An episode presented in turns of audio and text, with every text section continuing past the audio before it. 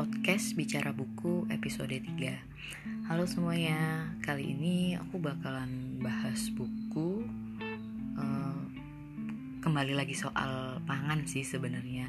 Jadi kali ini aku bakal bahas buku dengan judul namanya Rich Tafel Budaya Kuliner di Indonesia Masa Kolonial 1870 sampai 1942. Jadi ini buku yang ditulis oleh Fadli Rahman. Seperti biasa sebelum kita ulas bukunya, aku mau uh, bicarain soal spesifikasinya dulu. Jadi buku ini tuh sebenarnya nggak tebel-tebel banget sih. Jadi sekitar 150 halaman. Kemudian uh, soft cover dan ini cetakan pertamanya tahun 2016 oleh Gramedia dan dia ini uh, apa ya bukunya itu dari fontnya sama spasinya sih enak sih dibacanya. Jadi nggak bikin yang sakit sakit mata atau kekecilan spasinya gitu enggak. Jadi menyenangkan sih untuk dibaca dan dibawa-bawa saat senggang gitu. Nah kemudian kita bahas sedikit ya soal penulisnya si Fadli Rahman ini kalau aku baca jadi si Fadli Rahman ini ternyata dia itu adalah seorang sejarawan dulunya dia memang studinya di e, sejarah dan dia memang memfokuskan diri ke sejarah makanan nah Ternyata menariknya si buku Ristafel ini, budaya kuliner ini adalah skripsi dari si Fadli. Gak cukup sampai di situ. Ternyata si Fadli ini waktu dia ngambil S2 dia juga uh, bikin tesis kan pastinya. Nah, tesisnya itu juga masih seputar sejarah makanan di Indonesia menurut perspektif global dan itu juga dibukukan. Cuma aku belum sempet dapet sih bukunya yang itu agak susah juga nyarinya sekarang kayaknya mungkin nanti uh, bisa cari lebih ini aja sih soalnya udah lama juga nah si apa namanya si Fadli ini kalau kalian pengen tahu lebih jauh sih sebenarnya bisa dilihat di websitenya.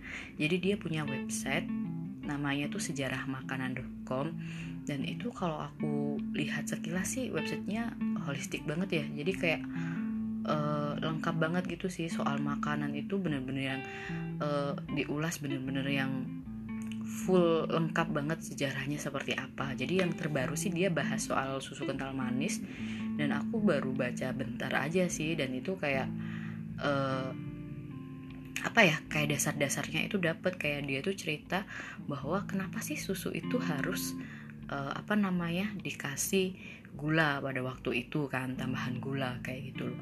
Karena memang pada saat itu uh, kan teknologi kayak refrigerasi itu belum ada gitu. Kayak kulkas itu ya belum ada zaman segitu itu kayak abad ke-19 kalau dia bilangnya itu. Jadi memang e, ditambahkan gula itu memang sebagai pengawet dari si susu. Karena susu sapi itu kan e, apa namanya udah rusak kayak gitu. Dan masih panjang banget sih penjelasannya. Jadi kalau kalian pengen tahu lebih lanjut sih bisa langsung ke websitenya sih di sejarahmakanan.com nah sekarang kita masuk ke ulasan soal Rich Tafel ini ya. Jadi uh, Rich Tafel itu secara secara harfiah Rich. Jadi dibagi uh, dua. Rich itu berarti nasi dan tafel itu berarti meja. Jadi kalau disatukan tuh berarti kayak hidangan nasi kayak gitu. Jadi di buku itu tuh dijelasin bahwa orang-orang Belanda itu menggunakan istilah Ristafel tuh untuk menyebut jamuan hidangan Indonesia yang ditata komplit di atas meja makan kayak gitu. Jadi benar-benar buku ini tuh e, menceritakan kisah terbentuknya sebuah budaya makanan karena kita tahu sendiri kan kita juga sempat dijajah sama Belanda. Jadi pengaruh Belanda itu juga besar banget terutama bagian makanan karena ya memang kita sebagai manusia nggak bakalan lepas sih dari yang namanya makan kayak gitu. Nah di tafel ini tuh dianggap spesial karena perpaduan budaya tadi. Jadi makannya pribumi dan apa ya kayak uh, ada campur tangan Belanda gitu kayak di pelayanannya kayak di tata cara makannya dan hidangannya kayak gitu. Cuma uh, itu kayak asimilasi sih ya. Jadi uh, benar-benar kedua budaya dari Belanda dan Indonesia-nya itu. Nah, sebenarnya di buku ini tuh dijelasin juga sih kayak kemunculan dan perkembangannya Ristafel tuh kayak gimana sih. Jadi emang keberadaan Ristafel itu nggak bisa dipisahin sih dari hubungan sosial antara orang-orang Belanda sama pribumi karena uh, orang-orang Belanda yang ke Indonesia itu kan kebanyakan memang kayak ekspatriat yang akhirnya dia itu kayak uh, memuja membujang kayak gitu kan nggak bawa istrinya gitu kan. Nah memang uh, lahirnya tuh dari situ. Jadi kayak dari lahir uh, apa namanya pencampuran perkawinan dulu awalnya kayak gitu kan. Nah tapi kita tahu sendiri kan kalau udah nikah kan ya pasti adalah apa yang dihidangkan di meja makan. Nah dari situlah orang Belanda tuh kayak kaget juga sih kayak wah hidangan apa nih? Gitu. Kan aku biasanya nggak kayak gini gitu kan. Jadi Ristavel ini juga dapat dikatakan sebagai uh, wisata kuliner pertama di Indonesia kayak gitu pada awal abad ke-20 karena benar-benar yang orang Belanda merasain gitu loh makanan Indonesia tuh yang kayak gimana uh, terus dihidangkannya seperti apa kemudian cara makannya juga bagaimana kayak gitu loh. Sampai akhirnya uh, di awal abad ke-20 itu di buku itu tuh dijelasin bahwa uh, makanan-makanan Indonesia itu mulai dikemas melalui penyajian yang mewah dan memikat di ruang-ruang makan hotel gitu.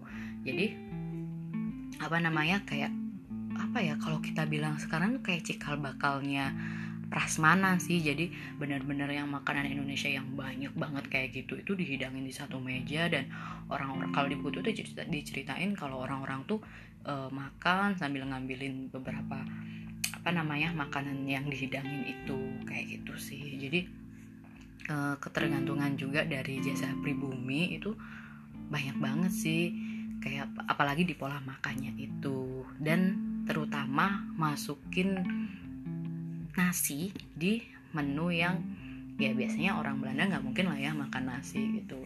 Di sana pun juga bukan negara tropis dan negara empat iklim yang dia bisa menanam semua tanaman seperti di Indonesia kayak gitu. Kemudian uh, jadi kebiasaan makannya tuh seperti apa sih? Jadi sebenarnya itu kalau kebiasaan makannya orang pribumi itu kan memang tiga kali sehari kan gitu. Uh, di situ di buku itu juga dijelasin sih. Jadi kayak uh, di tahun itu ya di tahun 1921-an itu kebiasaan makan orang Eropa tuh masih sederhana sih kayak pribumi. Jadi kayak nasi ditambah dengan ikan bakar pakai sayur lodeh kayak gitu. Dan tapi mereka masih ngebatesin. Jadi mereka tuh makan nasi itu masih siang aja nggak nggak yang selalu langsung tiga kali sehari. Jadi kadang paginya tuh mereka kayak uh, apa namanya masih konsumsi roti kayak gitu kemudian uh, mereka itu seringnya nambahin nasi itu pakai kuah-kuahan yang mereka itu mikirnya itu adalah sausen kayak gitu. Kemudian sayur-sayuran terus daging ikan laut dan seperti yang kita biasanya sih. Lalu di buku itu tuh dijelasin juga kan ada jam makannya juga. Jam makannya itu yaitu karena mereka kan akhirnya kan mau nggak mau ngikutin uh, jam makannya kita juga karena si nyainya itu atau istrinya itu kan juga nyiapinnya kan sesuai dia kebiasaannya kayak pagi kemudian apa makan siang kemudian uh, sore hari. Sore hari sih mereka masih tetap uh, ada ini ya kayak waktu minum teh kayak afternoon tea gitu. Dan biasanya mereka kembali makan di malam hari sekitar jam 8 sampai jam 9an gitu. Nah yang menarik di buku ini tuh malah sebenarnya di e, bagaimana proses makanan itu terbentuk. Bukan bukan proses masaknya ya tapi kayak proses e, kayak istilah-istilah makanan itu atau e, campuran dari mereka punya apa kemudian kita punya apa atau kita kita jadinya ngemiripin makanan itu jadi versi lokalnya kita kayak gitu. Nah apa namanya selain selain selain budaya Belanda juga jadi di buku ini juga dijelasin sedikit sih. Jadi ada juga uh, hidangan Tiongkok yang masuk dalam Ristafel itu karena perkembangan pertama perkembangan restoran Tiongkok dan pedagang-pedagang Tiongkok yang juga datang ke Indonesia kayak gitu. Kemudian uh, beberapa contoh hidangan Belanda yang mengalami pencampuran atau adaptasi seperti yang aku bilang tadi kan. Jadi kayak kita bikin tapi versi lokalnya kita itu kayak uh, sup. Jadi apa ya di Belanda itu kan sup itu biasanya disajikan panas gitu kan sebagai hidangan pembuka. Tapi kalau di kita itu kan hmm, sup itu apa ya bukan hidangan pembuka ya jadi hidangan utama juga gitu kalau orang pribumi sih ngadopsi sup itu sebagai salah satu sajian sayur yang dapat dimakan dengan nasi. Nah kalau di daerah Jatim dan Jateng itu karena ada pengaruh Tiongkok uh, juga ada kenalan sup kayak kimlo kayak gitu. Yang paling menarik sih menurut aku tuh sebenarnya yang perkedel sih.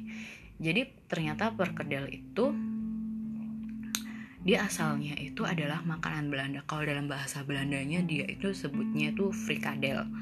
Nah, tapi memang e, base-nya atau bahan-bahan dasar untuk membuatan perkedelnya itu sama. Dia itu pakai e, bahan dasarnya itu kentang, tapi dia itu menggunakan pakai daging gilingnya daging giling yang digunakan itu bisa dari sapi bisa dari babi atau dari ikan nah cuma karena orang lokal kan juga udah mulai banyak yang kalau sekarang ya apalagi ya udah mulai banyak yang beragama Islam. Jadi mungkin juga mengalami adaptasi uh, keagamaan ya di makanan.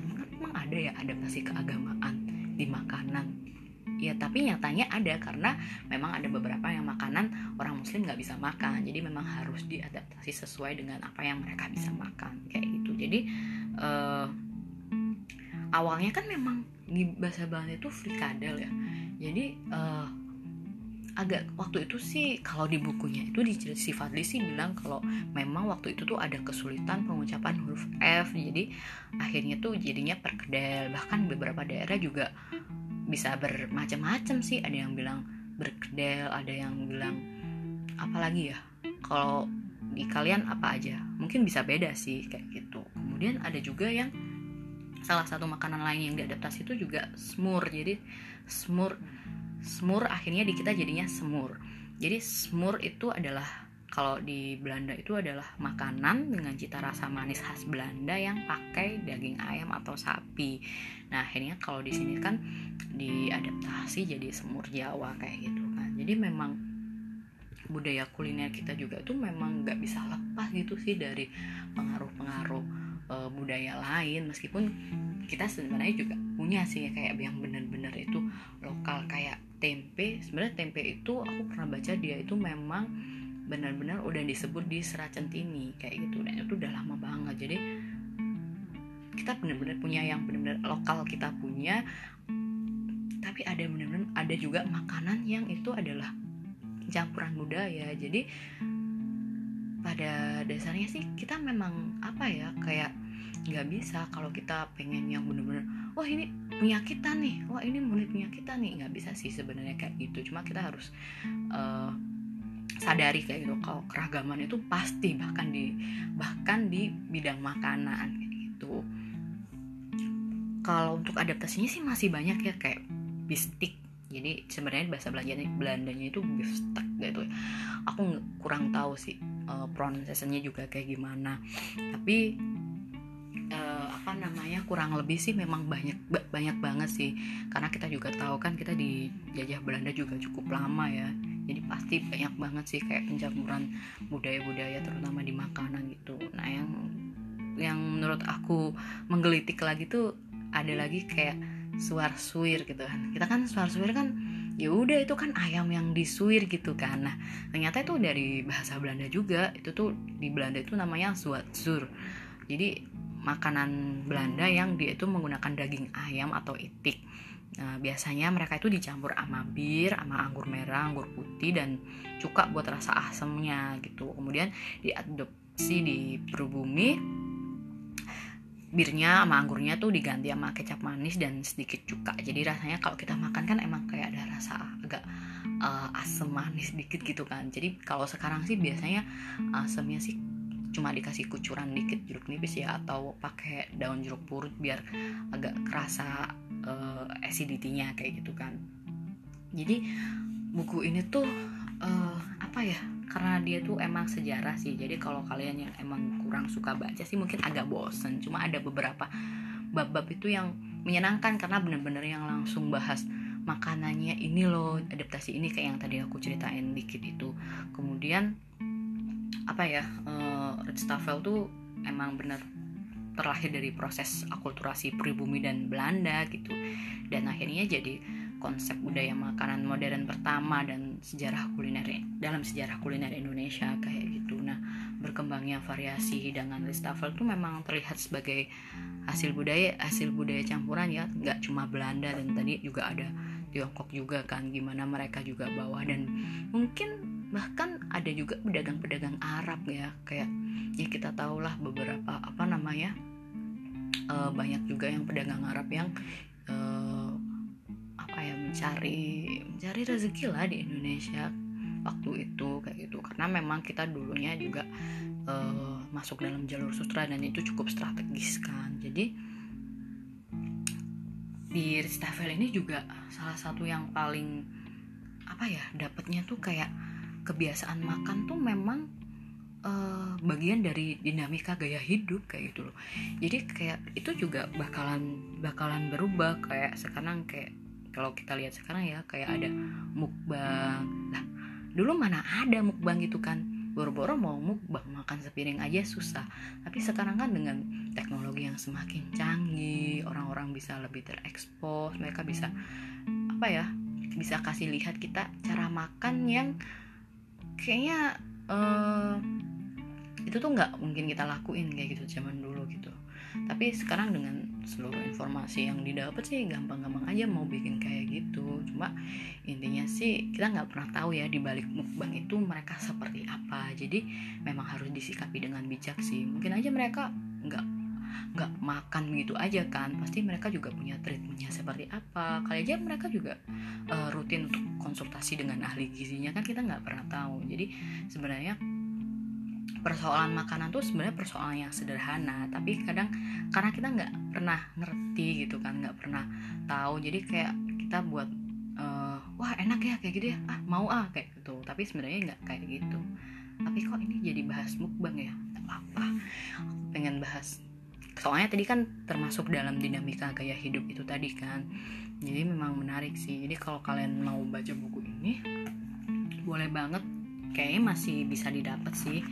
Uh, di bukunya ini juga ada beberapa gambar. Jadi kayak dilihatin gitu. Jadi penyajian Ristafel. Jadi kalau aku bisa bilang ya emang Ristafel tuh cikal bakal prasmanan itu. Kalau sekarang sih masih yang masih bisa kita lihat sih kayaknya di rumah makan Padang ya. Itu kan kalau kita mau yang dihidangin yang banyak banget itu kan langsung ditaruh di satu meja yang kemudian lauknya apa aja kayak gitu sih. Kita bisa lihat kayak gitu sih. Jadi di bukunya tadi emang ada beberapa ada gambar-gambarnya kayak gitu. Jadi gambar-gambar tempo dulu. Kemudian ada kayak uh, apa namanya? Catatan-catatan ininya catatan-catatan kakinya tuh banyak banget dan ada lampiran-lampiran soal uh, beberapa kosakata apa bahasa Belanda yang itu berarti makanan di kita gitu. Ada bahasa Belandanya sih. Jadi kalau kalian mau belajar boleh banget sih. Apalagi yang tertarik sama sejarah makanan ya. Jadi sebenarnya kalau misalkan ada yang nanya emang penting banget ya makanan itu ditelusuri sejarahnya? Kalau menurut aku sih itu penting banget sih. Karena dari kita kalau uh, nelusuri makanan kita jadi bisa ketika kita ketika makan tuh jadi bisa lebih apa ya lebih kayak mensyukuri gitu loh. Kalau kita tahu benar-benar makanan ini dari mana siapa yang masak isinya apa aja. Kalau orang bilang sekarang tuh kayak mindful eating jadi kita makan nggak sekadar makan gitu. Kita benar-benar tahu gitu apa yang kita makan dari mana ini berasal bagaimana sejarahnya. Itu itu bisa ngebuat apa ya diri kita lebih bersyukurlah ya. Kita masih bisa apa menikmati hidangan yang ada itu masih bisa menikmati kekayaan kuliner kita terutama di Indonesia itu banyak banget sih.